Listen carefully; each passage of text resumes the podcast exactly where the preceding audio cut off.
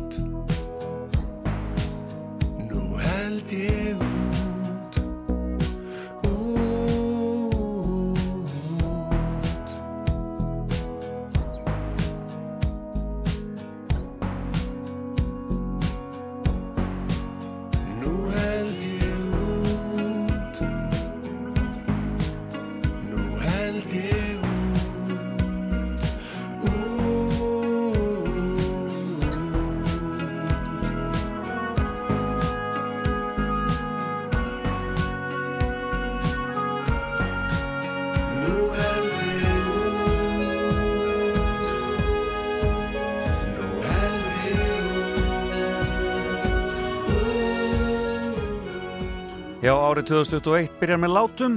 Þetta er þáttur sem ég var að tala um, tónatal. Hann byrjar bara hreinlega í kvöld í sjónvarpinu og um, það er sem sagt Jónas Sig sem er fyrsti gestur Mattiasar Más Magnússonar í þessum þætti og um, ég er búin að hlakka mikið til að sjá þessa sériu sem ég vitað af hér að var gerð síðasta sumar og um, við bara, já, býðum spennt eftir að sjá hvernig Jónas, ég vissum að þetta lag mun þar kom við sögu, hafið þið svart.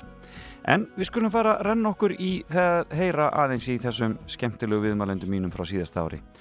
Og þessum að geta að fréttagetunum verður líka svolítið lituð á síðasta ári. Ég ætla aðeins að spyrja ykkur aðeins út í það sem gerðist á síðasta ári og taka svona velvalda spurningar úr fréttagetunum síðasta árs fyrir þá sem að treysta sér í það.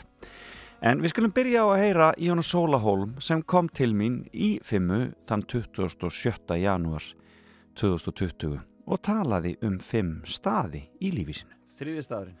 Það er hrunamannreppur. Já. Já, það, Það er sveitin. þá er sveitin sko. Og uh, þá er ég á Þóranustöðum í hrunamannreppi. Mörg, mörg sumur. fjögur, sendur þangað tíu ára gamall til fólk sem ég þekkti ekki neitt.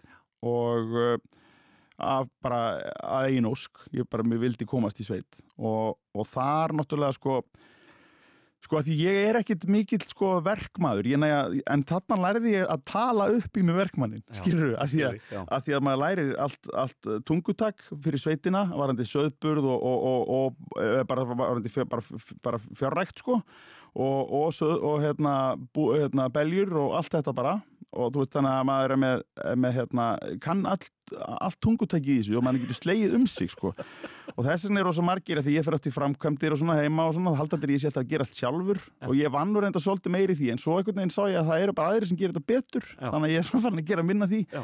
en það er rosa gott sko, ég get spjallað við bændur um allt sko og, og, og bladrað sko og hérna og það er að, þannig að ég, ég er ótrúlega þakkláttur fyrir það, bara geta svona verið smá kall þá maður læri það í sveitinni sko skemmtilegt. já, að, að hérna, auðvitað læra maður að vinna helling og, og, og kannhelling og, og styrtist svo mikið, maður, maður kom svo sterkur heim alltaf á haustin, því maður var bara að halda á böggum og, Já. og allt þetta sko, þannig að maður var alveg ótrúlega hraustur af þessu sko og borðaði svo mikið, þú veist að því að maður borðaði bara fjóru sinum á dag á sama tíma þannig að maður svona þreknaði sko Já. og vann mikið þannig að maður var alveg í ríkalega góðu standi sko að vera, vera í sveitinni og var hjá indislu fólki sem að hérna, eins og þau átt engin börn Já. og, og við vorum alltaf tveir strákar eh, hjá þeim og hérna annar í uppáhaldi alltaf, svolítið svolítið dirkur Já. og hérna stundum var það ég og stundum hinn og, hérna, en ekkit eitthvað óheilbríkt sko en, en, hérna, en, en ég var nú sjálfnast í ég var svona, það var svona smá kjæftur á mér hérna en þú veist, ég held að það var eh, haft gaman að mér samt þarna var ég fjögur sumur og, og Og þá allt sumarið? allt sumarið fó bara daginn eftir síðasta skóladag og kom bara förstu deginum fyrir fyrsta Og skóladag fannst þér þetta aldrei neitt mál? að, sko mér fannst þetta ekkert mál mömmu fannst þetta vandamál Já. Þú veist að senda skilur tíu ára bat þú veist að maður sér börnin sín í dag sko þú veist tíu ára bara fara eitthvað upp í sveit í, í hérna þrjá mánuði sko veist, breytingar. Já, ég hef svo sagt frá þessu áður að mamma kom með ávísuna eftir að sækja mig fyrsta árið. Og hún bara eftir að borga sko, bara og þessu þetta verið sumabúði sko, því að akkurat. ég var svo gladur sko alltaf og, og fækka að fara heim yfir litt svona þrjár helgar á sumri Þú veist, í, það var alltaf ógeðslega gaman að koma heim sko en, en hérna eh, aldrei vandamál að fara aftur sko bara dásanlegt og þetta var bara ótrúlega dýrmættu tími.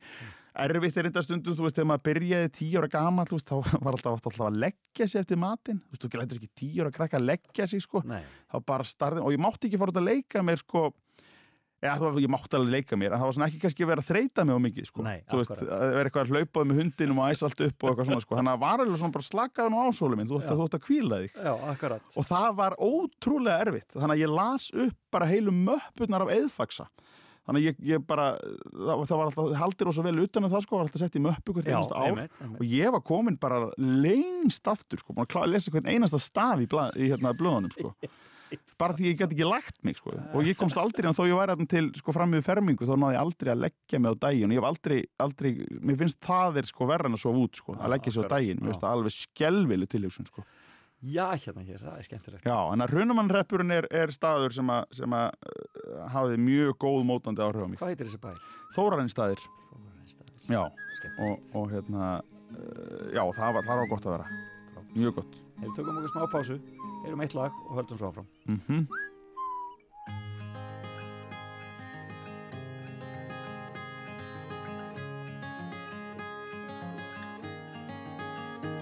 Home ground feels like the way it's been lifted always.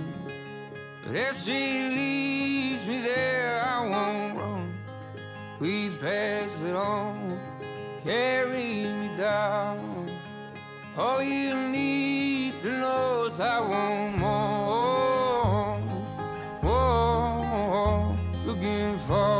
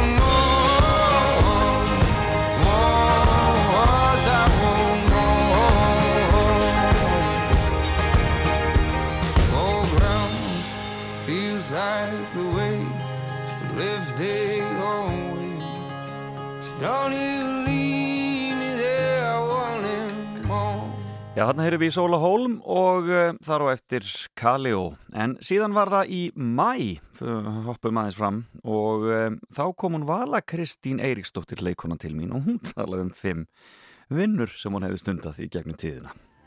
E, og hún er hérna hjá mér, hún Vala Kristín Eiríksdóttir, leikona Jú, jú. og uh, já, ekki bara, getur ekki næstu því fara að titlaði leikstjóra líka og handrið svona eftir, eftir svona síðustu æfintýri. Eftir allt og allt, Já. jú, bara allavega handristund, ég er hérna að fyrra detta í ekki? þegar maður er búin að safna aðeins meiri, meiri reynslu. Og það er starfsreynslan sem ert að safna. Hvað er fjórða starfið sem þú ætlar að deila með okkur? Fjóruðastarfi er hérna, þá var ég að vinna á, uh, í leikhús hosteli Já, sem heitir Fristiklefin já, já. og er í rifi Mm -hmm. og maður segir vist í rifi, ekki á rifi það er algengum miskilningur Það er sagt í rifi, já. Já. Ég ætla að fara, fara að leiðri þetta. Já, Fristiklefin í, rifi Já.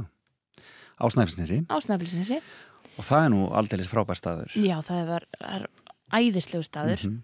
það kom þannig til að hérna, ég fór með Improv Ísland að sína þar fórum í svona leikferð Mhm. vorum að sína hérna spuna bara fyrir þá er þetta semst þannig að það eru hostelgestir og þeir sem að gista á þessu hosteli Mhm.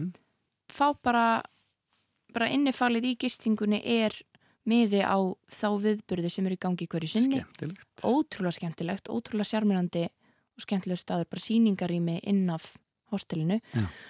og ég fer þarna að sína með nokkrum úr Improv Ísland og, hérna, og verð svona bergnumin af þessum stað og ég spyr eigandan bara hérna fyrirgeðum að má ég vera hérna Já. um, og ég bara, ég þarf ekki vinnu sko, eða þú veist, ég, þarf- eða, jú, eða, ég, þarf- ég þarf ekki laun, bara, þú ert örgulega búin að ráða starfsfólk hérna, ég er bara, er, ég er ekki með neitt plan í, sumar, má ég fara heim, sækja fötin mín og koma og vera hérna Já. og ég skal bara vinna við það sem að þið þurfið Já.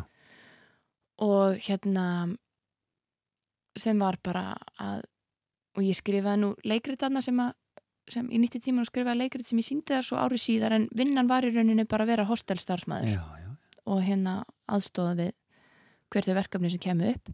Nema þetta var svona, þetta stað í mér sko vegna þess að þetta var svona drama árum það sem að vera hættur í einhverju sambandi og var Mhm. eitthvað, "Ó, hvað er lífið? Og ég er búin að eitthvað, þú veist Þetta er að renna frá mér. ég já, bara, öllu." ég er nú á, ég er hálfviti, ég mun aldrei hérna, finna mér maka þetta var svona, svona dramaka svona fjórar dramakast Já, um, og þann ég kem heim og ákveð þetta og pakki tösku og, og legg af stað í þetta í þessa pílagrims fyrir að finna út hver er ég eðimersku gangan. eðimörku gangan sko og hérna og morgunin sem ég lagði af stað.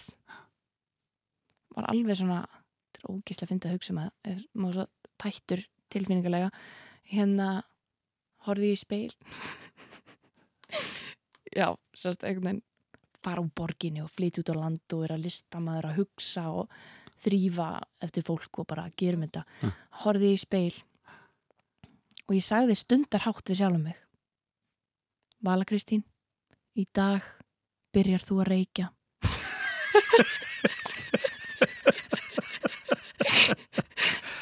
Ég, ég tók bara ákvörðun. Núna þarf sko þín hegðun að passa við innra óveðrið. Þetta er brjálaðslega heimskulegt að byrja að reykja. ógeðslega Þú veist, heimskulegt 24 ára gömur Já, eða já. ég bara, og hérna ég meina að maður hafði rétt fyktað eitthvað svona prófa ég fór smók eitthvað Já. en ég hérna tók ákvörðum þetta og ég held að hafi verið einhver svona svona rebelismi sko Já, það er bara, heyrðu, fyrst allt er í klúri ég sem hef alltaf reynd mitt besta Skulum við bara fara get alla allt- leið í já, þessu. mér fannst ég vera bara glæpa maður sko. Já. Ma- maður tók rútu, mætti hérna hirtnunni í borganes og ég bara, góðan daginn, ég ætla að fá Salem Lights, takk. Svo bara leiti í kringum mig eins og ég væri bara já, allir bara eitthvað, já, gjör svo vel, eitthvað. Svo settist ég á, svona rútuskipti maður býður eftir næstu rútu. Einmitt. satt og bara, þú veist kunni ekkert að reykja, skilur og kunni ekkert við það. Nema svo var svona, kannski það voru nokkra vikur að sem ég einhvern veginn þreif hostelið. Einhvern veginn talaði við engan, heldi mér upp á allt of, allt of stert kaffi setti svo bekkin fyrir utan hostelið með svart kaffi Já. og sík og horfði á snæfellsjökul og var bara, já svona er fyrir okkur komið Já, akkurat, já. þetta er, þetta er staðurinn sem við finnum okkur á hvað er í gangi og svo náttúrulega bara fekk ég ógeða síkaretum skilur því ég bara er engin reykingamannskja Nei, og hætti því bara, nema hvað? nema hvað Nema hvað? bara einhvern tímann um hausti, ég var eitthvað fyrkt að þetta annað sumarið. En, en, en, en, en þú hefur nú fíla snæfisnesið. Nei, ég Dásamt. elska Snæfellsnesi Þetta er dásamlegt. og ég hafði mjög sjaldan sko, ég er hérna um, sem sagt, uh, ætti úr stikkisólmi Já, já. mamma mín er fætt og uppalinn þar og Já, já. var mikið þar og maður fór eitthvað svo sjaldan á sko að maður var alltaf bara leiðin í hólminn Já, já. Það var þannig. þannig að ég var að koma bara á Hellisand og Ólafsvík og Rif bara held ég fyrsta skipti í ferðarna með improv Já. og var alveg bergnuminn af þessu svæðir sko Það var nefnilega, það er nefnilega tóldur magna á snæfisnesinu hvað í rauninni er, þetta er svona skipt að menn voru ekkit mikið að fara á milli þarna Nei. sko. Svo slóist menn bara á böllum og þekkt, enginn þekkti neitt og þá þeir byggja næsta bæ. Nei, nei, bara Hellisandur og Ólafsvík er bara ekki sami Nei. staðurinn Svo það sé alveg á hreinu. Já, og mann alltaf var alltaf að klúri sér eitthvað, já, ég er hérna bara eitthvað, fólk eitthvað, mm, byrju, er hann sandari? Já, já, ok, já, það er ekki það sama, þú veist, Einmitt. Allt ólátlegt, en svona eimir eftir af einhverju gömlu, sko. Já, ég spurði ekkert henni Ólafsvík, hvenar hætti þetta þessi slagsmál á böllum og svona, hvenar eru menn svona, þú veist, og það er að ég ætla að hafa ekki, þegar vegurinn kom, það var náttúrulega engin vegur á Nei. milli, sko, þegar, það fór þurfti alltaf að fara suður fyrir, á, á, sko, Já. á sunnanvestnesi til þess að, til þess að komast, sko. Sem minnum á, ég verði alveg að segja, segja þér eina sögu, Já, sem, sagt, sem að vinur minn sem hérna býr þarna og er eigandi, Kári Viðarsson, sem er eigandi Reifs, snillingur. snillingur með meiru, hérna og ég er auðvitað ekki að fara nákvæmlega rétt með þessa sögu en það var einhver maður, eldri maður sem að bjóða hellisandi og þetta var eftir að vegurinn kom. Já.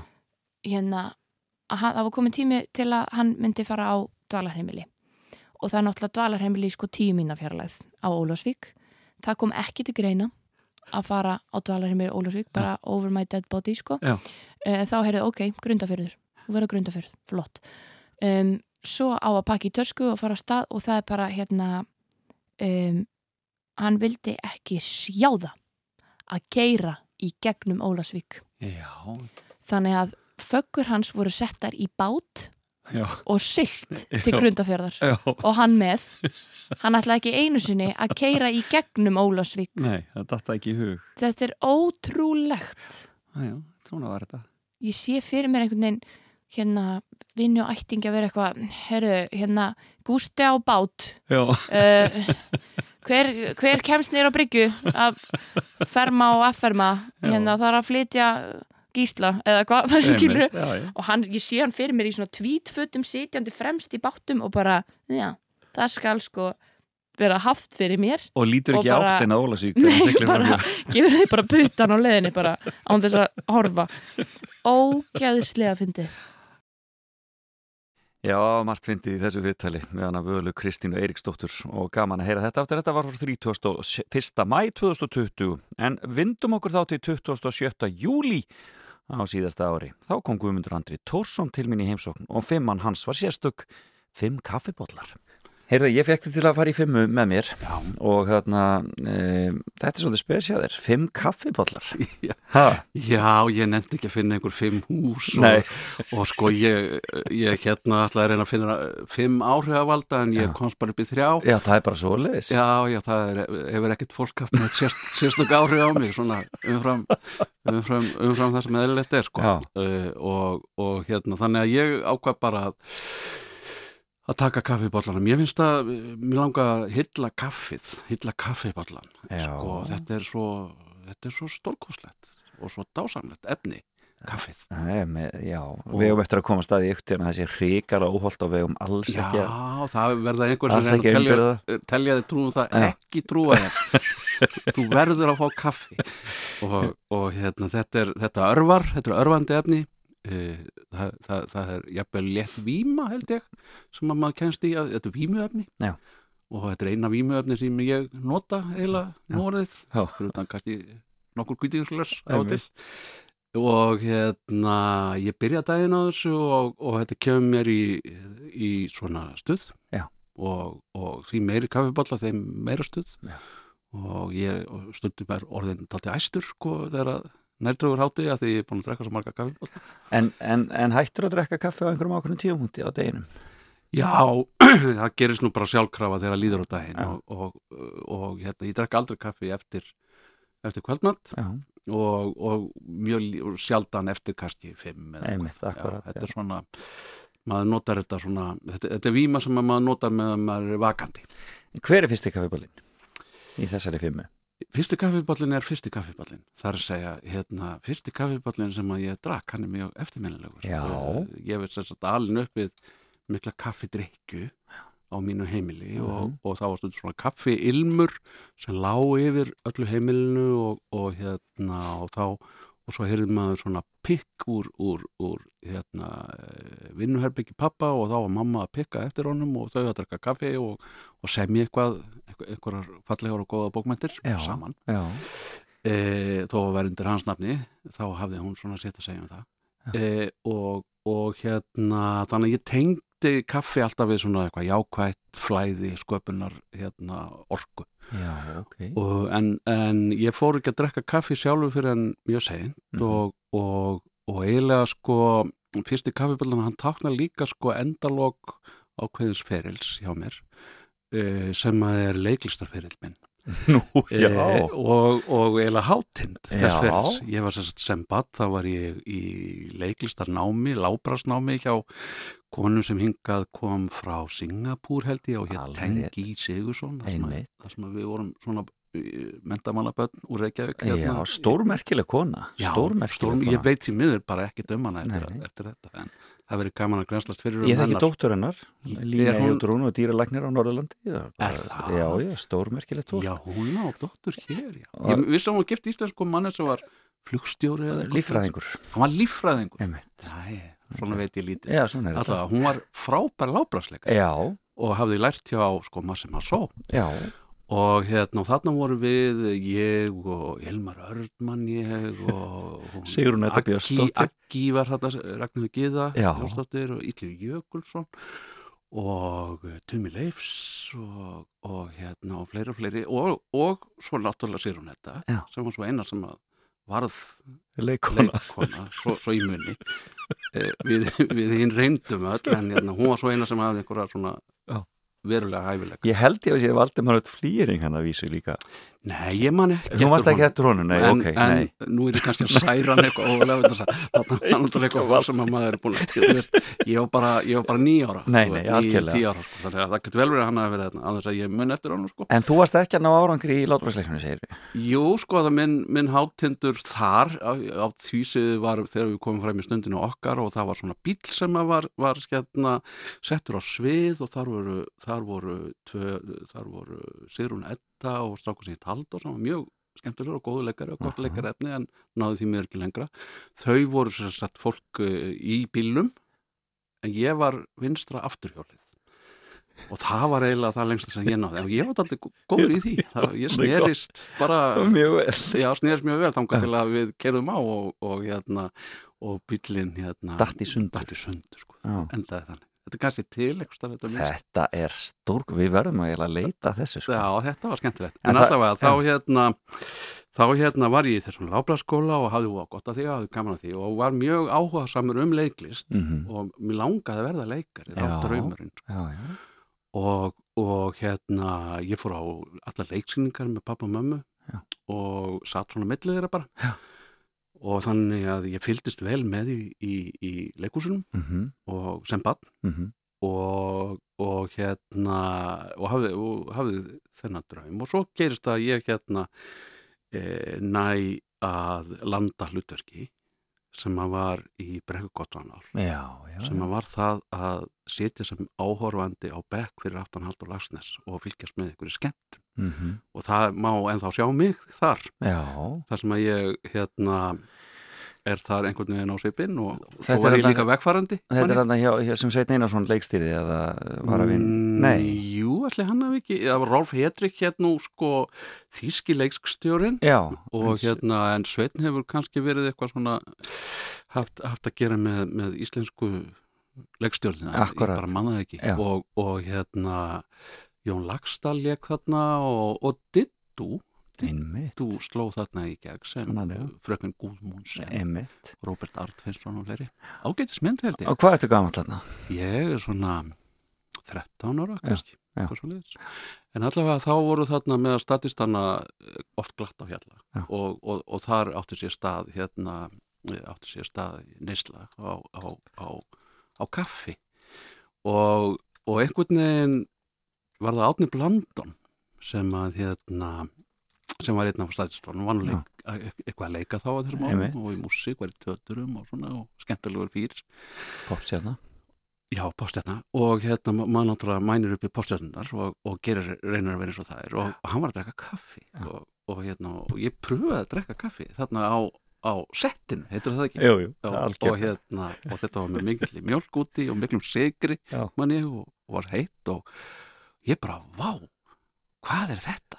Þetta er eitthvað alveg nýtt og svo man ég að bara daginn eftir þá bara heima, þá var kaffi á ákvönunni Já. og ég fekk mér svona aftur og það var sama gikkið og, og síðan hefur bara verið í tömlösi neyslu Já, á kaffinu. á kaffinu. Þetta er stórkoslegt. Svona var nú fyrsti kaffi. og, en þann með lauk líka leiklistaferlin. Það var ekkert meira eftir Brekkvartssonal. Nei, nei, mér buðust ekki fleiri hlutverk. Ég hérst út í haga með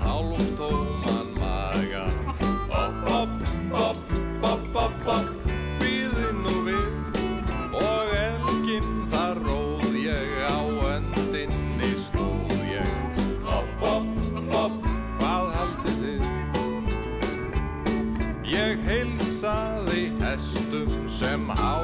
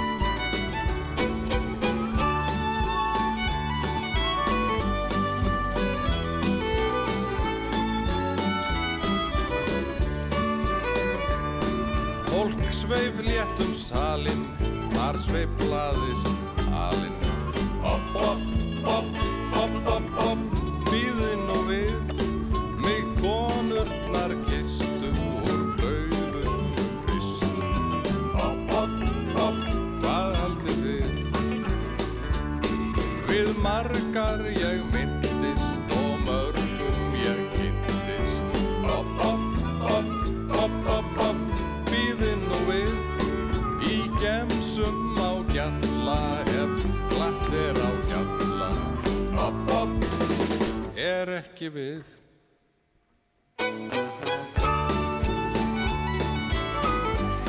Já, það er ekki hægt að klára þetta með Guðmundi Andraður sem að heyra í spöðum en hann kom nú samt með líka flotta plötu sjálfur bara á árinu en við letum spaðana næja en næst er það Ástís Halla Bragadóttir og hún kom til mín í spjall hér í byrjun november Sko, ég, ég, þegar ég var í fjölbrytaskóla Vesturlands á Akranesi þá var svona, það var, það var svona opin vika. Já, og maður gæti valið að gera eitthvað annað en vanalega í skólanum og ég valdi glímu. Já, og mér varst það rosalega gaman. emmi Þannig að ég var þarna í glímu og elskaði glímu og lærið alls konar brögð. En þetta er alls ekki glímu Þetta er ekki- nei, nei. og þetta er ekki brögð í pólitík heldur. Nei, Þetta eru brögðin sem ég elska sem er um, Já, einmi og þegar að við erum að hugsa um hvað verður matinn í kvöld eða morgunni, í vikunni, við kaupum mjög litt inn um helgar um, fyrir vikuna að einfalda lífið. skipulagt fólk. Jú, jú, skipilagt fólk. Já. og þá kaupum við í svona kannski þrjár stórar máltíðir sem við ætlum að elda. Og þá hugsa ég ekki um er það fiskur eða kjöt eða pasta eða eitthvað heldur hvað Já, veist, er það engifer, er það chili, er það lime, er það sítrun, er það dill? Þannig ég hugsa um dásanlegt Og svo þegar ég er búin að hugsa, mm, ég sakna þessa braðs, þá finn ég eitthvað rétt sem að svona er svolítið ríkur af því Frábært. og elda það bragð. Þetta er alveg skemmtileg nálgun á matakerð en byrjum á fyrsta bragði. Já, Fyrsta bragð er kanill. Já, það er heila fyrsta bragði sem ég uppgötva. Já, Þegar ég er stelpa í Ólasvík, það var fiskur í flest mál. salt og pipar sem sagt í rauninni Já, eiginlega Já. mest salt, smjör, Já.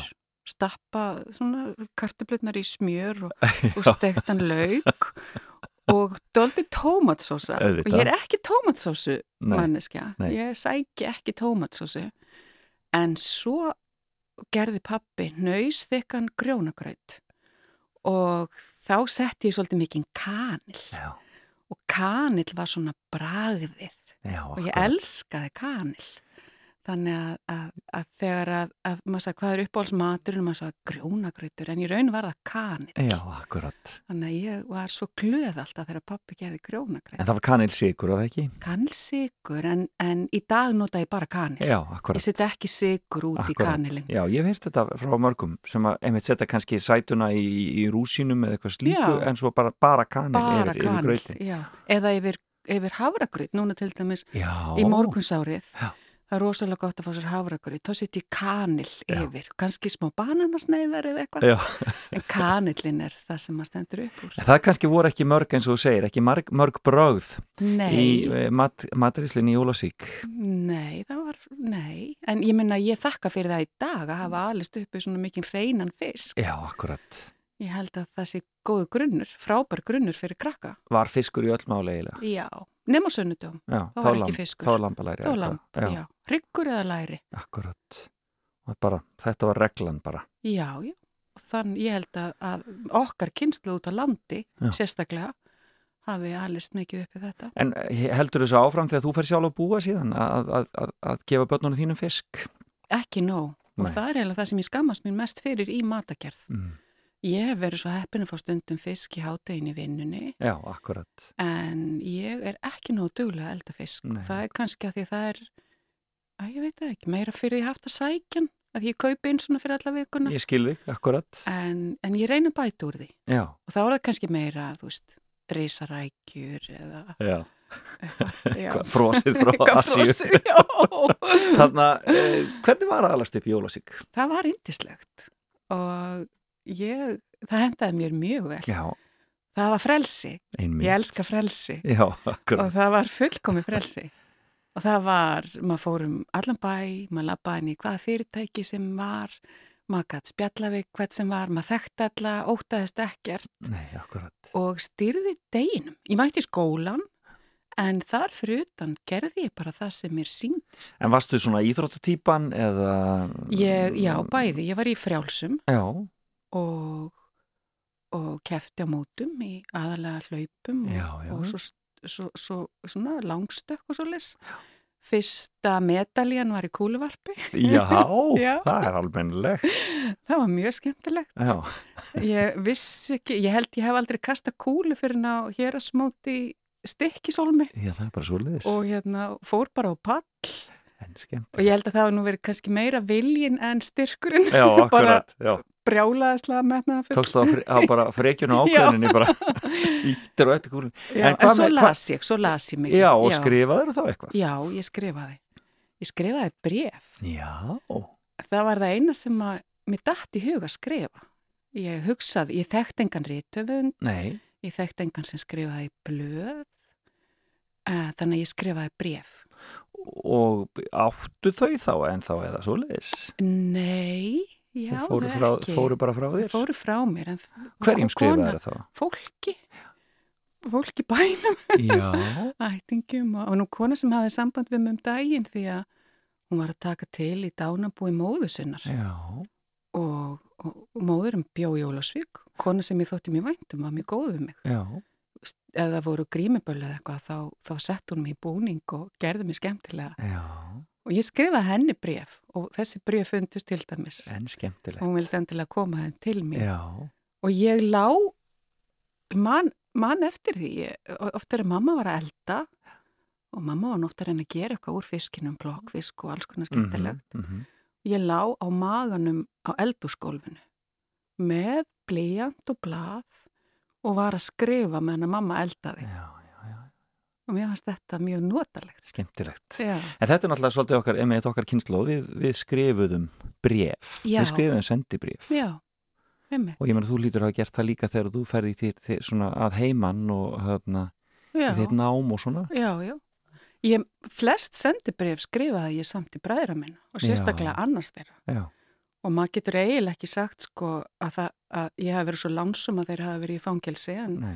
þeir voru reglulega í fangelsum Mm og þegar að maður á náinn ættingja í fangelsi þá skrifa maður mjög mikið að brefum Já, akkurat. þannig að ég og, og hérna Sonni, er yngri bróðu minn við skrifumst á mjög mikið. Já, og áttu brefin hans enn? ég á nokkuð bref Já, og í þeim brefum af því að það voru svo lítil samskipti erfitt að ringja og, og fáar heimsóknir að þá erum við að skrifa um mjög persónlega hluti og erum að skiptast á ljóðum og, já, og ég held að hans fangilsisvist hafi ítt undir það að ég skrifaði ítaleg og opinská bref já, akkurat. Og kannski hjálpa þér í þegar þú byrjar að skrifa síðan sjálf öruglega, ábyggilega um líf fólksins þíns já, og þitt. Já. Já, Ástis Allabræðadóttir þarna í uh, november hér í heimsókn hjá mér uh, í sinni fimmu og uh, þetta er búið að vera frábært að fá þessa góðu gesti og við ætlum að halda þessu áfram á þessu ári. Ég uh, verð spenntur að segja ykkur hver verður hér eftir viku. En við skulum enda þessa yfirferði við fimmur síðast ás á þeirri ótrúlegustu. Það var þegar að fjölmiðla stjarnan Fríman Gunnarsson kom í heimsókn til mín. Hann er auðvitað alter eko eh, Gunnars Hanssonar eh, en Fríman mætti sem sagt var með sjómastætti og hann var með fimmu þar sem að fjalla var um fimm döðsföll sem höfðu haft mikil áhrif á hann á hans æfi Það var hreint út sagt ótrúlegu listi. En Við skulum enda þessa yfirferð á þessu hér. E, og síðan er það þá næsta fráfall. Hvað er fjórða fráfallið? Já, það er nú, nú fer ég, ég er auðvitað rithöfundur. Já. Nú fer ég aðeins svona kannski á, á risque slóðir. Nú.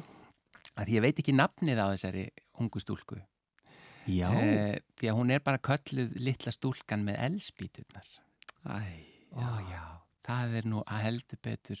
það er sorglegt fráfall. Já, eftir nokkuð gott skáld, Mm þó hann sé danskur, uh, Hans Christian Andersen, uh, þá þetta litla stúlka, ó þetta er svo fallegt. Mm. Og á jóladag eða aðfangadag, ég held að þessi jóladagur því að það er haldið öðruvísi upp á þetta, Já. skiluru. Uh, þannig er þessi litla stúlka sem á engan að, Mm. er heimilislaus og er að selja elspítur Mhm. og eina sem hún getur gert er að kveikja á einni og einni í einu til að ylja sér úr Mm. síðasta pakkanum og, og þá sér hún fyrir sér alls kon, hún sér inn í heimili fólks þar sem þau eru að halda upp á jólin algjörlega grunlausum hennar sorgir og, og þegar síðasta elspítan sloknar og það kom mér svo óvart Mm. ég bara, ég, man, ég, ég öskraði þegar ég las þetta Mm. fyrst og ég grét svo svakalega þegar hún dó Já. bara, góð, ætlar hann að láta þarna reyndar hefði ég, ég hefði ekki látið þess að sögu enda svona Nei, akkurat. Hvað, Nei. hvað ertu, hvað ertu orðin gamall þegar þú færði að lesa þetta? þetta þetta setti mig algjörlega út af læginu ég var í miðjum prófum í, í, í háskóla Þegar þú lest þetta. já, og þetta, ég, ég bara ég hætti bara, Það er bara ég þannig. tók mig bara hlje frá námi sko, af því ég hefði ekki getað haldið áfram í prófum á þessum tíma Nú fjallar þessi saga um ójöfnuð. já, Ertu jafnaðar maður? Fríman? finnst þér hún hafa fjallað um ójöfnu Já, er það ekki? Er ekki batnið sem er svo fátækt og, og, og ríkið einhvern veginn tekur ekki tekur ekki af skarið og bjargar þarna batninu úr þessari fátækt? Já, nei, nú held ég sérst að lesa vittlust inn í þetta. Nú er það? Já, ég held að það, sé alls ekki skilabóðin. Nei. Heldur það bara, þarna var ung kona sem ég bara vorkendi því hún sá ekki möguleikana í lífinu ef hún hefði bara virkilega í staðin fyrir að setjast út í hotn og kveikja á þessum elspítum, Mm ef hún hefði til dæmis selt þær. Já, sem hún var náttúrulega að gera. Já, en hún var ekki að standa sig í því. Nei. Það því miður var hún ekki, auðvitað þó þetta var indislega ung stúlka, þá var hún ekki góðu starfskraftur, það er augljóst mál. Ef hún hefði selt hennan pakka, keft sér kannski tvo aðra í staðinn, Mm e, selt þá svo Já. með ágóða Já. og þannig kolla kolli, þá hefði hún getað eigna sér eh, heimili, jafnvel fallit heimili og, Og hlýtt og gott, af því hún, hún sá bara ekki möguleikana í markasaðkerfunu. Þannig að því miður, það held ég hafi verið stóra, það var einn af þeim hlutu sem að leti mig verða svona leiðan. Já, ég skil, hún Því sá bara hún ekki sá möguleika. ekki ljósið, Nei. eh, þó auðvitað þetta sé líking sem ég segi þarna þegar Já. hún var að horfa alltaf í Ljósið, Já. en hún sá ekki þið sanna ljós sem hefði getað bjargað henni. Þannig að það þú- er, og hún var náttúrulega ómentuð, það er vantalega það sem að hefur orðið til þess að hún einhvern veginn sá ekki möguleikana. Já. Já, nú var þetta bara batn, sko, þetta, hún er hún ekki verið meira já, kannski já, 6, það er 7 ára. skólaskylda, Já, já, það er bara, það, hún er, já, já, það, það er engin afsökun. nei, það, Nei. já, já, það er svona. Já, E, sko, þú, þér verður þetta aldrei týrætt þarna en þegar þú ert að tala um það, það sér að sko vinstra fólk hafi talað hana niður. Ertu, hefur anstegð á vinstra fólki? Nei, alls ekki, Nei. alls ekki, ég bara skilða ekki. Já, ég skil. Það er, ja, Meira sko, það. já, og, og, og það bara vill þannig til að það vinstra fólk sem ég þekki, það er, ég hef ekki mikið álita á því. Nei. það er hérna yfirleitt með alls konar gangandi um í einhverjum, að því að ég segja ég sé bóhem, Já. en það er oft með svona e, miskildar hugmyndur um hvað er bóhem og hvað er e, einhvers konar að því, sko þarna komum við aftur að þessari listaelítu sem er Mhm. yfirleitt meira og minna vinstri sinni. Já, ég skil. Já, og það er eins og það bara að þú þurfur að ganga í einhvern jafnaðamanna flokk til að fá skýrtinni þangað inn eða eitthvað slíkt Já, ég skil. og þannig er uh, af hverju eiga allir að vera jafnir ef það eru ekki allir jafnir Mm. þannig er verið að þvinga fólki inn í einhverja ég í alvörunni talaði er, þetta sér hver sem að vill það sjá Aðeinsvert, heyrðu. já, já, en, en ég hef e- ekkert út á þau að setja annað en þetta. Nei, að ég held að það hefur rangt fyrir sér. Já, alveg akkurat. gjössanlega og ég held að þau sé ekki vel mentuð flest upp til hópa. Nei. E, við erum kona síðasta frá fallinu. Fimmann, hún þau er búið að fljúa fram hjá hérna. Hver, Já. hvað, hvert er fymta Nú frá erum við komin fallinu? aðeins meira inn í nútíman Já, því að þetta var auðvitað dálítið tímalust með litlu stúlkuna. Auðvitað en þetta síðasta, þetta er listamaður sem ég hef haldið mikið upp á Já. gegnum tíðina og, og er kannski gæti komið einhverjum á óvart því að einhver gæti kallað hann eigum að segja graðhestar okkara eða eitthvað slíkt. En það Já. er hann er sör eða var Elton John. Það er bara það var áfsalega sorglegt. Heimíkja kall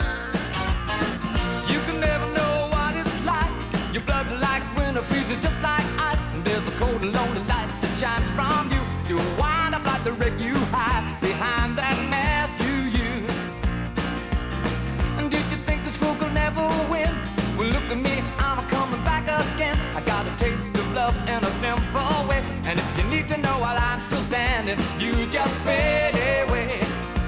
Don't you know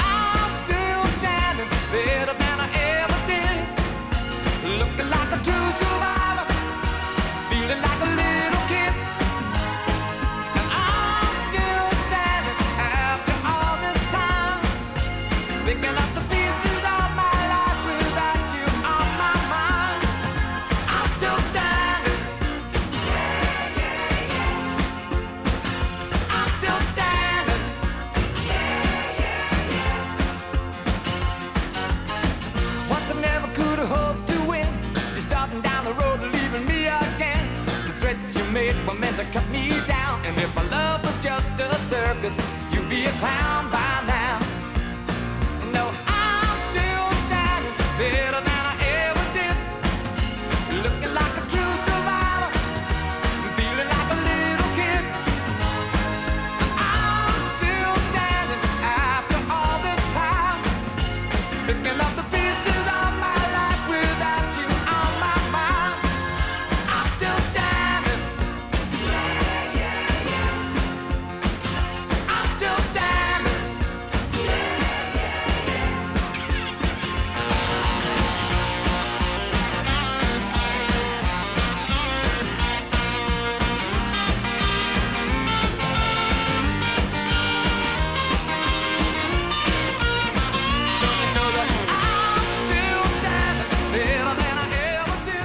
Já, var snöðslega að spila þetta í kjölfarið á þessum ummælu Frímans Gunnarssonar um Elton John því að hann er ennþá uppistandandi, hann er ekkert látin þetta var bara vitleisa í fjölmjöla stjórnunni en við erum þarna búin að fara í gegnum uh, nokkra skemmtilega fimmur frá síðasta ári.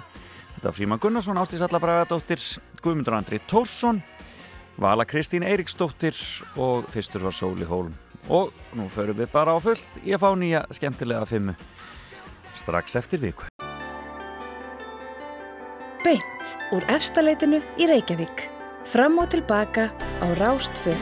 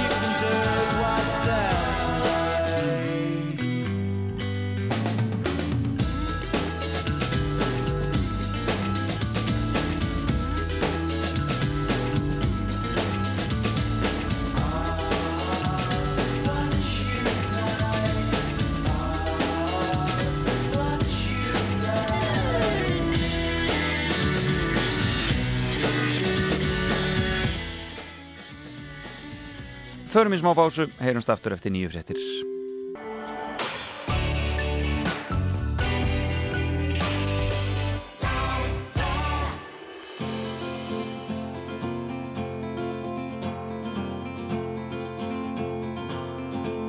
like synchronized swimmers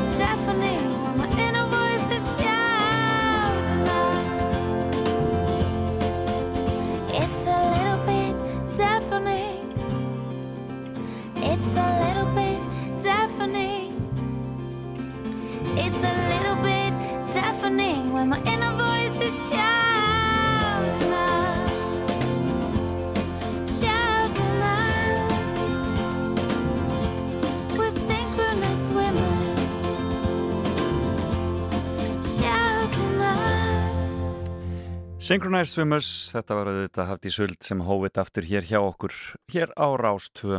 Ég heiti Felix Bergsson, þetta þátturinn fram og tilbaka, gaman að vera með ykkur á þessum, já, öðrum degi þessa nýja árs e, og e, við erum búin að hafa það hugulegt hér í morgun og ætlum að halda því áfram hér e, og ég ætla að heyra í honum Gunnari Tófara Ólafsinni e, hér eftir smá stund. Svo verður fréttageturinn á sínum stað, þá opnum við fyrir síman. En Gunnar Tófara ætlar að ræða við mig og nýja bók sem að e, var að koma út þar sem að e, hann fjallar um e, fjallar svona um heiminn eins og hann lítur út já, samkvæmt tölfræðinni. En hann lést úr krabba meina árið 2018 og þá var eiginkonu hans og dóttir sem luku við þessa bók sem að heitir Raunvitund. En við ræðum þetta hér á eftir Gunnar Dófri fyrir norðan, að fá hann til mín á Teams, það verður eitthvað Nú eru allir búin að læra að nota Teams og Zoom og þetta allt saman. Þetta er einn stóra breyting sem hefur orðið á líf okkar og ætla þetta verði ekki til þess að við e, förum að vinna meira heima og taka þessa fundi svona á þennan máta í staðin fyrir að vera kannski að fara flakka á milli staða, jafnvel á milli landa. Það verður breytingin stóra sjálfsagt sem að e, COVID á eftir að kenna okkur. En það er ekki búið, langt í frá búið, þannig að við höldum áfram að passa okkur, höldum áfram að þvó hendur og spritta og halda tveikja metrar fjallaðinni og þá komumstu út úr þessu í róleitunum. En meiri tónlist hér á Rástu, þetta er Elvar og lag sem heitir One of a Kind. Sea of sisters, sea of brothers Looking for a lifeline in the night Find a spark, find each other. A Way out of the dark into the light. Good, good, one of the good, good, one of the kind. Good, good, one of the good, good, one of the kind. One more step to recover. Everything.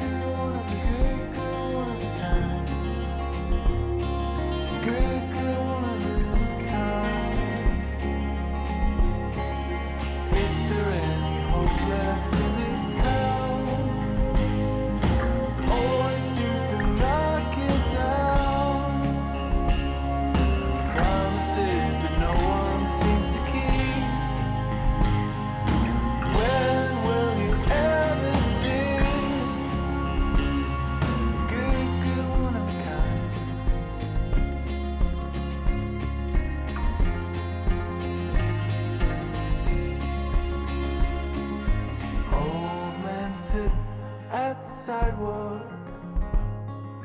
Feeling tired of trying to forget all those times when he fucked up. The only thing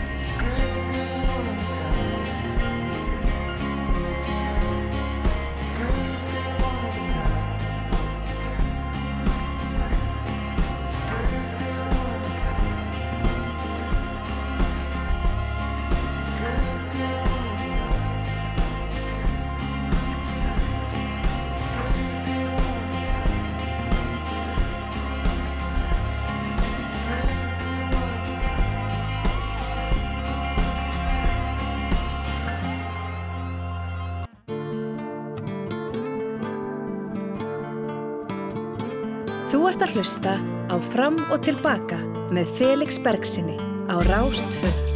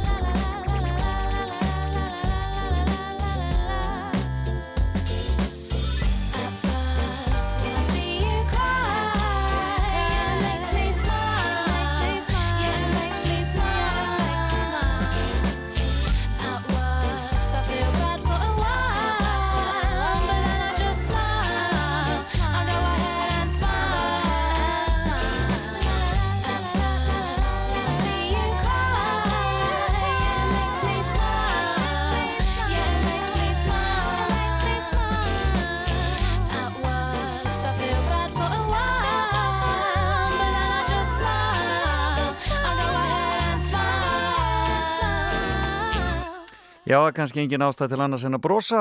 Þetta segir hún Lili Allen. Þarna. Og e, í símanum, eða rétt að sagt á Teams, er Gunnar Dofri Ólafsson. Heyrur í mér Gunnar Dofri, sætla blessaður. Skýrt og greinlega. Góðan daginn og gleðilegt árið. Gleðilegt árið og e, já, gaman að heyri í þér og það er svona ástæð til að spyrja. Er kannski allt í lagi að brosa smá? Það hlutin er ekki alveg eins, eins eh, dimmir og við höldum að þeir séu samkvæmt honum Hans Rostling og þessari bók sem að þú ert nýbúin að þýða sem heitir Raunviðtund. Já, það má og sannlega segja það. Það eru, það er alls konar tilefni til þess að, já, tilefni til jákvæðni Já, eins og kemur fram í þessari, þessari bókans, hans sem kemur út þarna 2018, skömmu eftir, eftir andlát hans já þannig að hún, hún er frá 2018 hann- þessi bók. Bókinu frá 2018 og, og, og Rosling, hann- honum, honum hlotnaðist ekki að, að fylgja henni eftir með eins og hann hefði viljað gera því hann degir áður en, að- hann kemur út en svonur hans og, og tengdadóttir klára þessa bók. Já, já. En, en í henni þá rekja þau eftir og, og hann starfaði að þessu í, í einn 30 ár. Hans Rosling, hann var læknir og fyrir hluta starfsæðina starfaði hann, starfaði hann í einhverju fátækustu löndum í heimi og og sá hvernig, hvernig örbyrð og, og hörmungar gera líf fólks óbærilegt. En hann sá líka hvernig heimurinn bæði með eigin augum og gegnum gögnin, hvernig mjög margt í heiminum færist til betri vegar. Já, já, einmitt. Og, þa- og það var, það, það, það var sérst svona hans og tengdadóttir sem hann var að vinna með, var það ekki tölfræði fólki sem hann fór að vinna með? Jú, Eh, þau, þau bjög, bjögum meðal annars til þessi svo blöðrugröð sem eru einhver, einhver svona skemmtilegasta og skýrasta gagnaframsetning sem að ég held að okkur hafi séð í langan tíma. já, akkurat. En, en niðurstaða þessa, þessa starfstæra er, uh, og, og svona sem maður hafið þann fyrirvara, það, það er ekki, með þessu er ekki verið að segja að allt er gott. Nei, nei, Við stöndum enn frammi fyrir sko, svona tilvistar áskorunum eins og lofslagsbreytingum sem, sem við verðum að taka á og taka föstum tökum og heimur það sem, bara svo, svo ég nefni dæmi úr bókinni, heimur það sem 4,2 miljón börn deyja á ári áður en verða einsás.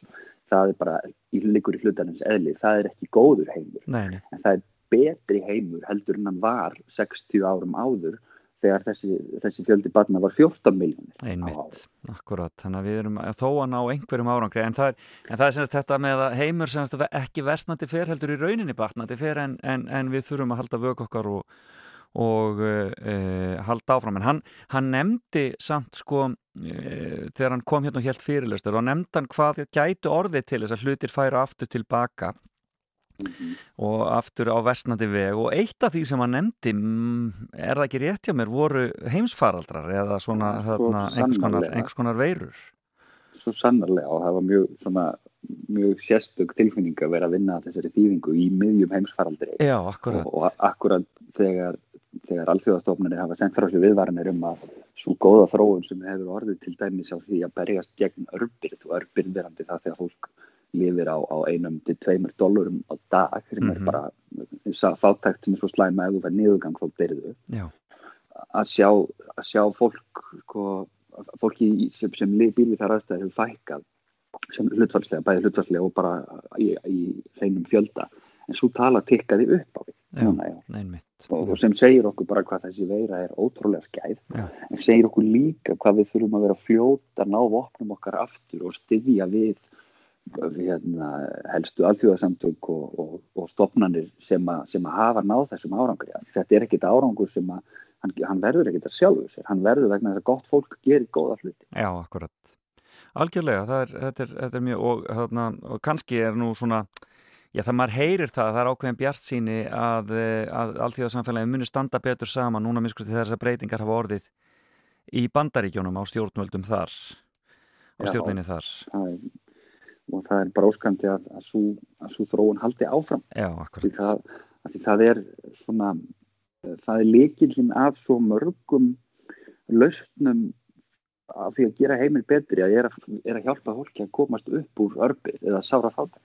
Þá, það, það gerir það að verkum að einmitt ungbarnadauði fellur meðalæfilningd hún eikst loftslags sko, útblástu gróðursalóftegunda eikst ekki mikið Nei. við það að fólk hætti að vera sára fátækt og verði svona innan gæsalappa bara fátækt það er sæðilegt að þeirra segja það hérna sitjandi í uppbyttuðu húsi á Íslandi í 80 frosti Akkurat.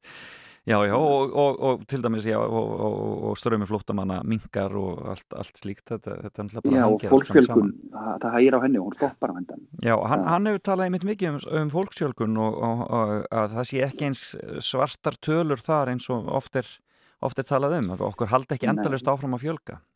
Nei, algjörlega og, og þó svo ég hefði nefnt hérna að, að börn, sem fjöldi barnadegi þá sem er slæmt en staðan er svo í dag að, að börnum í heiminum er að fækka. Já, Það er vegna þess að það verða, það eru færri börn sem fæðast í, á móti þeim sem að verða fullorðin. Já, einmitt. Þannig að í, í, í hópnum 0 til 15 eða 0 til 18 er að fækka sem, sem segir okkur að, að okkur er ekki endalust að fjölga. Nei, einmitt.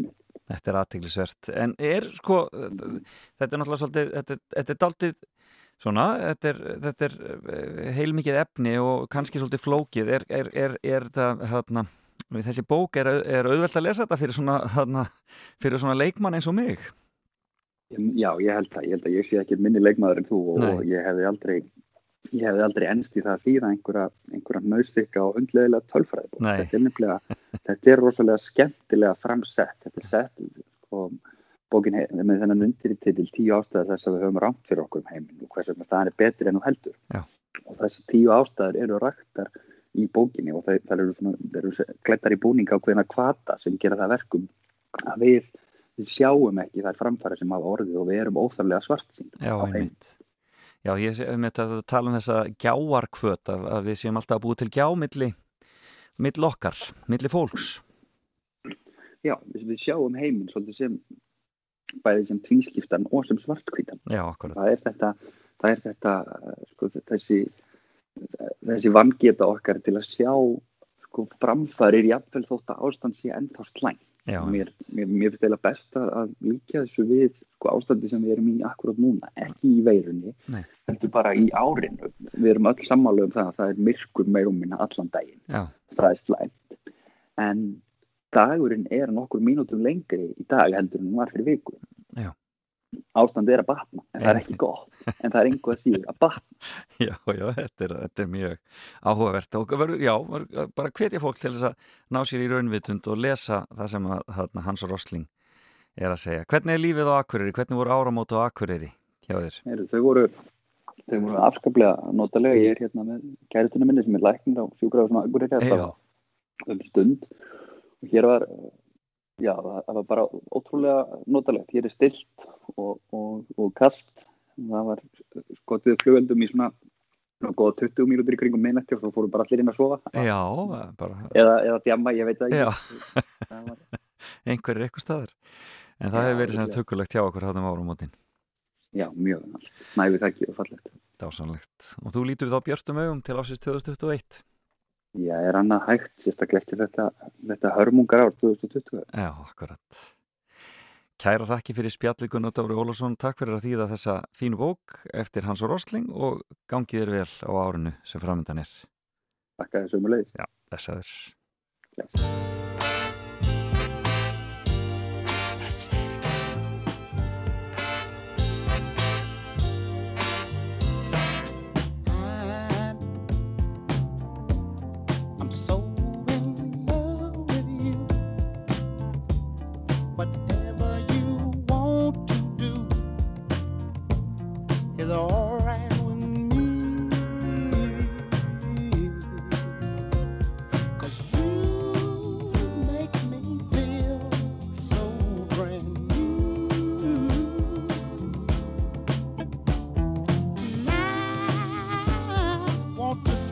my life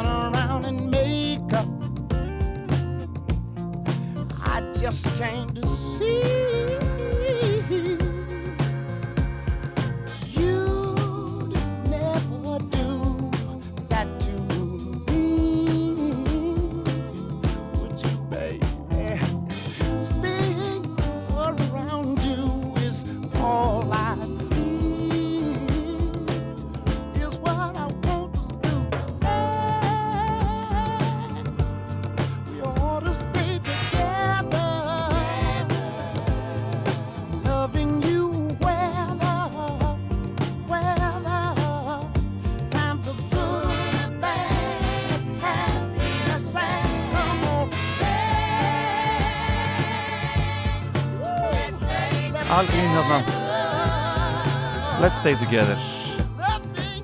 Ljúft á laugardags morgni og um, það verður að líða fréttageturinn hérna hjá mér. Og ég ætla að hafa hana úr fréttum síðasta árs. Nú reynir á okkur gjafabref í Hannesarholti í bóði fyrir þá sem geta svara þrema spurningum í rauður rétt. En ég ætla að fara bara í spurningar frá því á fyrirluta síðast árs. Það verður aðtilsvægt að mun að sjá hvort við munið eftir einhverju þá. En það verður hér eftir smástund tvá mögulesengar og eitt lag og svo skulum við kýla á fréttagetun. Þú ert að hlusta á Fram og Tilbaka með Felix Bergsinni á Rástfjörn.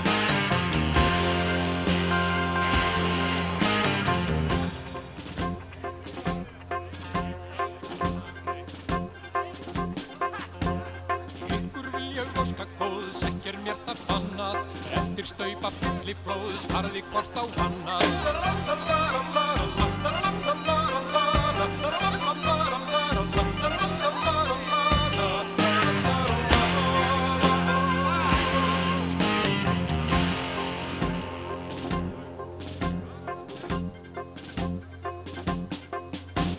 Brúðhjónunum óska ég að þau geti pels mér Fiskin með feiknum lífi og brotinu ekki hlífi Kjöti með kappi snæði, kvikið til sjónin bæði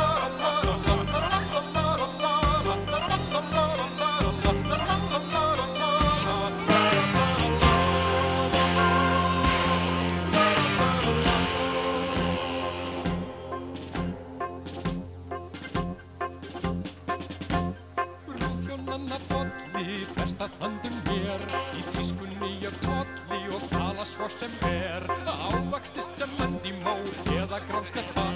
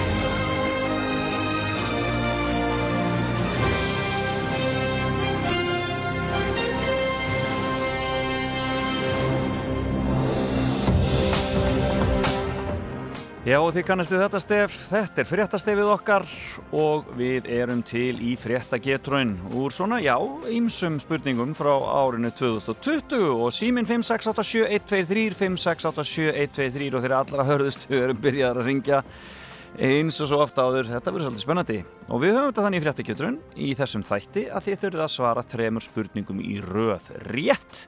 Og þá fáið þið velunin sem er gjafabrif í Hannesarholt sem eru miklu vinnur okkar hér í þessum þætti. En við skulum byrja á fyrsta hlustanda. Góðan og blessaðan daginn. Góðan daginn. Já, nei, þessi bara misti kjarkin. Góðan dag. Góðan daginn. Sæl og blessuð. Hvaðan er þú að ringja? Flóanum. Þú ringir úr flóanum. Og fylgist vel með fréttum. Mm, Já, svona. Svona, gerðir, gerðir það á síðast ári. Ég treysti því því að þetta er alltaf alla spurningarnar eru frá síðast ári. Ok. Og nú, uh, nú reynir á þig, sko. Þetta er orðin, eh, sko, þetta er í rauninni ekki lengur fréttagetun, heldur bara svona sagfræði getur eiginlega. Ok. En við skulum, við skulum byrja hérna. Þessi spurning er frá 1. mars 2020 og hún hljóða svo Í vikunni fekk Íslendingur Nordic Music Prize Norrænu tónlistavelunin. Hver var það? Hildur. Guðna. Það var Hildur Guðnadóttir, nema hvað, en það hún vann allt á síðast ári. Og það sem meira er sko, hún, þú veist, það, það, sko, stærsta afreikið hennar í samt og Óskarni er að það, þetta verður aldrei endurtekið því að hún er fyrsta konan sem að vinnur þau vellaun ein. Það var konu ár. Já, mikið konu á. Hvern ár. Heyrðu, síðan að þessi, 29. mars spurði ég að þessu. Í vikunni kom í ljós að meðlumur bresku konusfjölskyldunar væri með COVID-19 veiruna. Hver var það? Bara Kalli sem fikk loksins kólunum. Kalli fjell loksins kórunu. Kom pappabrandarinn, kom pappabrandarinn maður. Heyrðu, þetta er alveg gott. Þú ert svo góð í þessu, ég veði að reyna eitthvað aðeins að ná þér hérna. Nei, ekki að Á ekki að reyna að ná þér aðeins. Gera eitthvað smá. Þetta er svo skemmtilegt að fara í gegnum þetta því að þetta er, ma þegar maður fer í gegnum þetta þá kemur svona ímestið til ljós. Jú, hérna er einn frá því apríl og sýnir kannski svolítið hvernig spurningarna voru á síðast ári. Þíska lögreglan stöðvaði í gær ólöglega starfsemi sem búið var að koma fyrir í bæjanum Elsenfeld og Mömlingen í nágrenni Frankúrtar. Hvaða starfsemi var þetta sem lögreglan stöðvaði? Ah, nú er ég. Muna. Þetta er í apríl. Kól Apríl. ólöglega starfsemi. Já. Það maður verður leið og segir hann hvað er. Mhm. En þetta er að... Skjóttu nú. Nei, ég bara held ég get ekki sko. Þú eru ekki að skjóta? Ég bara... Ég bara Þetta er ekki dug, ég þetta er bara- ekki dug. Mm, hvað segir þetta? Var Þetta er í apríl Þýskalandi. sko í Þýskalandi. Mm. Í Mömlingen og Elsenfeld sem eru staðir sem að við munum að öllu ríkjum aldrei heimsækja en eh, hvaða starfsemi var komið þarna fyrir sko tekið út úr borginni Frankfurt eða rétt hjá Frankfurt sko. Þetta er ekkert í sambandi koronaviruna, það var nú bara í Östuríki. Já. Nei, veitu það, ég bara verða að... Já, geð þetta frá þér. Ok, takk fyrir að ringja. Þú reynir aftur síðar. Ok, takk, bless, bless. Gleðilegt ár. Bless, um við skriðið þetta, bless. Ó, hún var komið tvö rétt. Já, já, við skulum heyra. Það er einn hérna eftir. Góðan dag. Já, blessaður. Blessaður. Veist þú hvaða ólöglega starfsemi þetta var sem að var stöðuð þarna? Kólólögleg, sko. Hún er kólóluleg. Já, svona á þessum tíma, þarna í 19. apríl. Já. Uh, sko, Hvað voru þeir að banna í Þískalandi á þessum tíma? voru að banna, Skjóttu nú. ég giska á uh, strippstæði.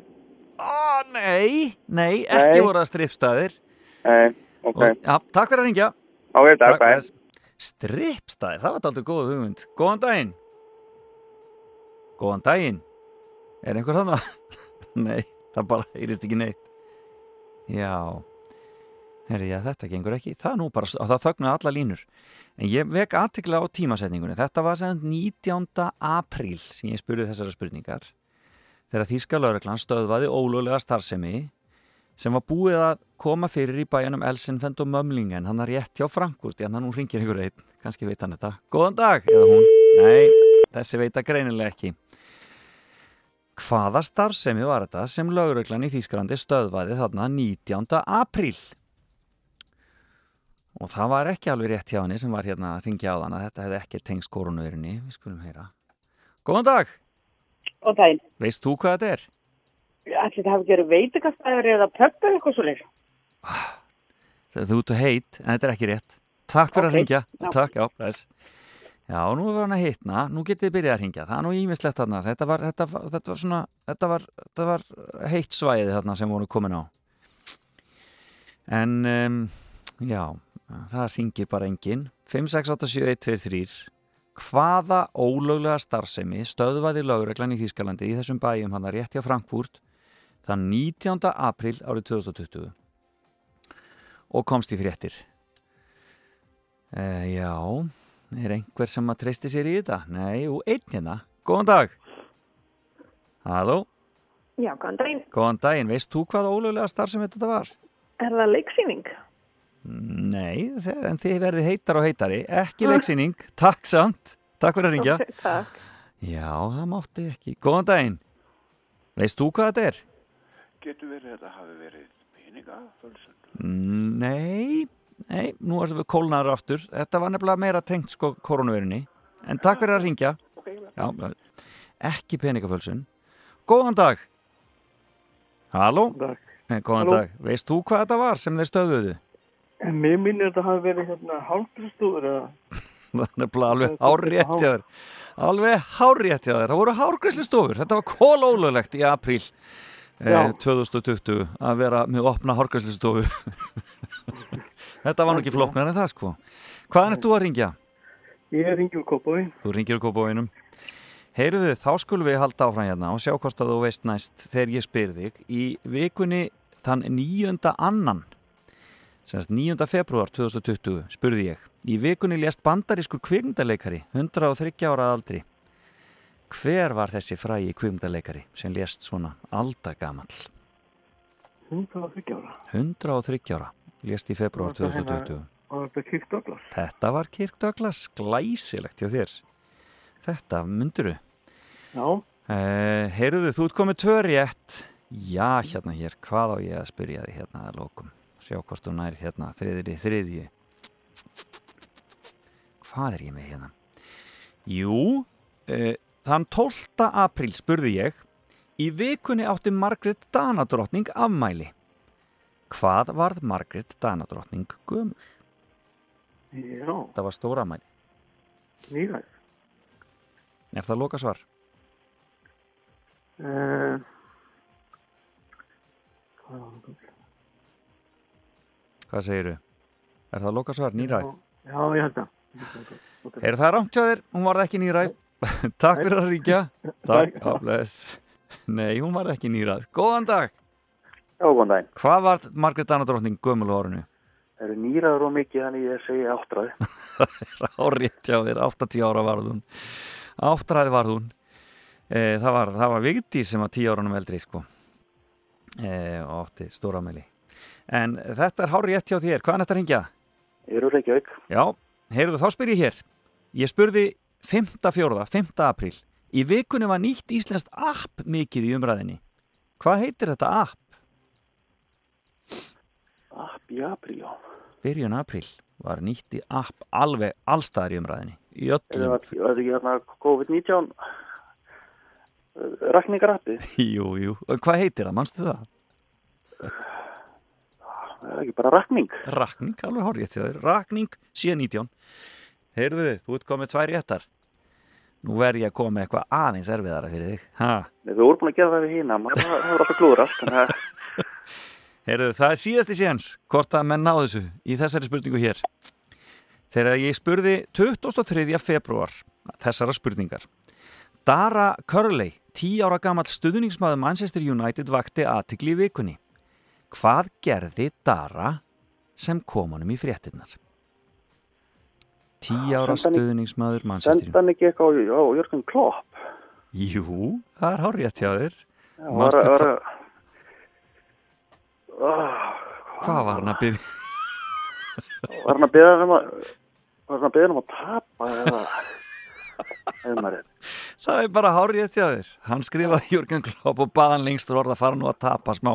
Þetta væri gjössanlega óbærilegt fyrir stuðningum með um, Manchester United. Heyrðu, vel gert. Hvað heitir maðurinn? Það er Franklin Gretarsson. Franklin Gretarsson, þú hefur nú tekið þetta áður hjá mér. Jó, Er það ekki? einhvern Má ekki bara bjóða þær að koma við hérna hjá mér upp í, hérna, upp í eh, efstaleiti og ná í gjafabriðið þitt í Hannesarsholt? Jú, jú, ég er ræta. Kærar þakkir fyrir og takk fyrir og glera eitt ár. Takk sem leiðis, takk bless. Bless, bless. Og þakk ykkur öllum sem ringduð og tókuð þátt í fréttageturinn í dag. Frábært að heyri ykkur, við gerum fullt af þessu á nýja ári.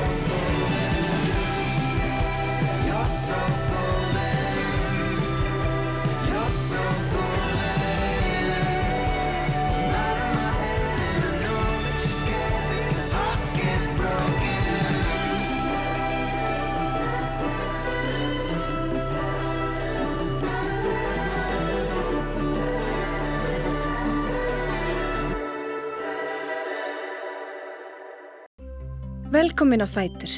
Fram og tilbaka á Rástföð.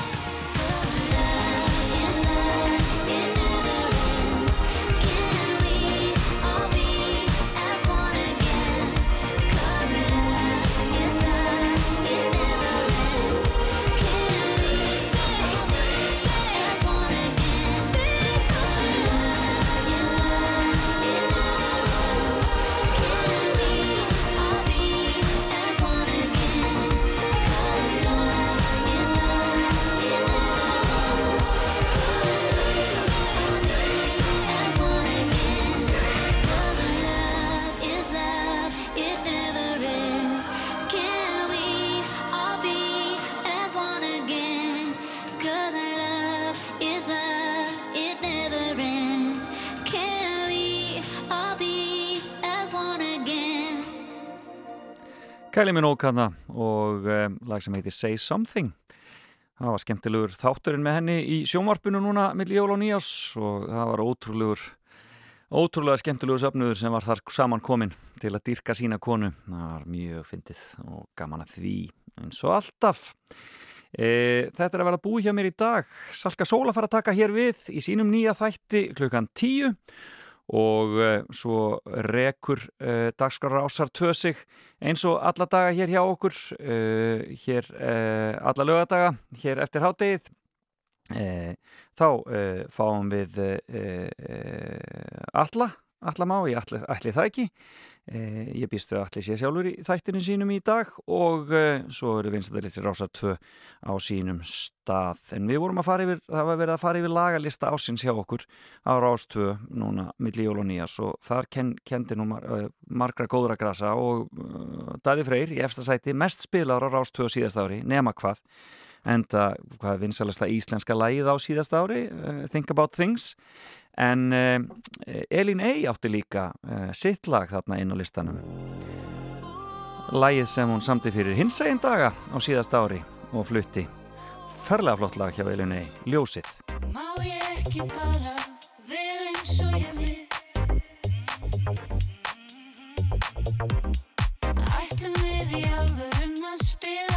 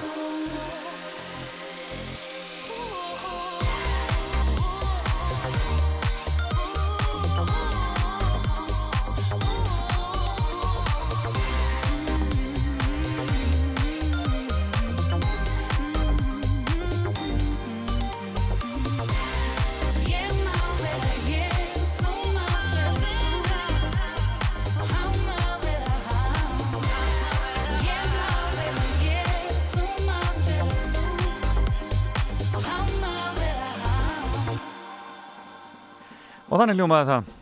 Það var Elín Ey og Ljósið. En ég er hættur í dag. Hlakka til að vera með ykkur aftur hér eftir viku. Hlusta á Sölku Sól og njótið þess að vera til áfram. Heyrst eftir viku. Bless bless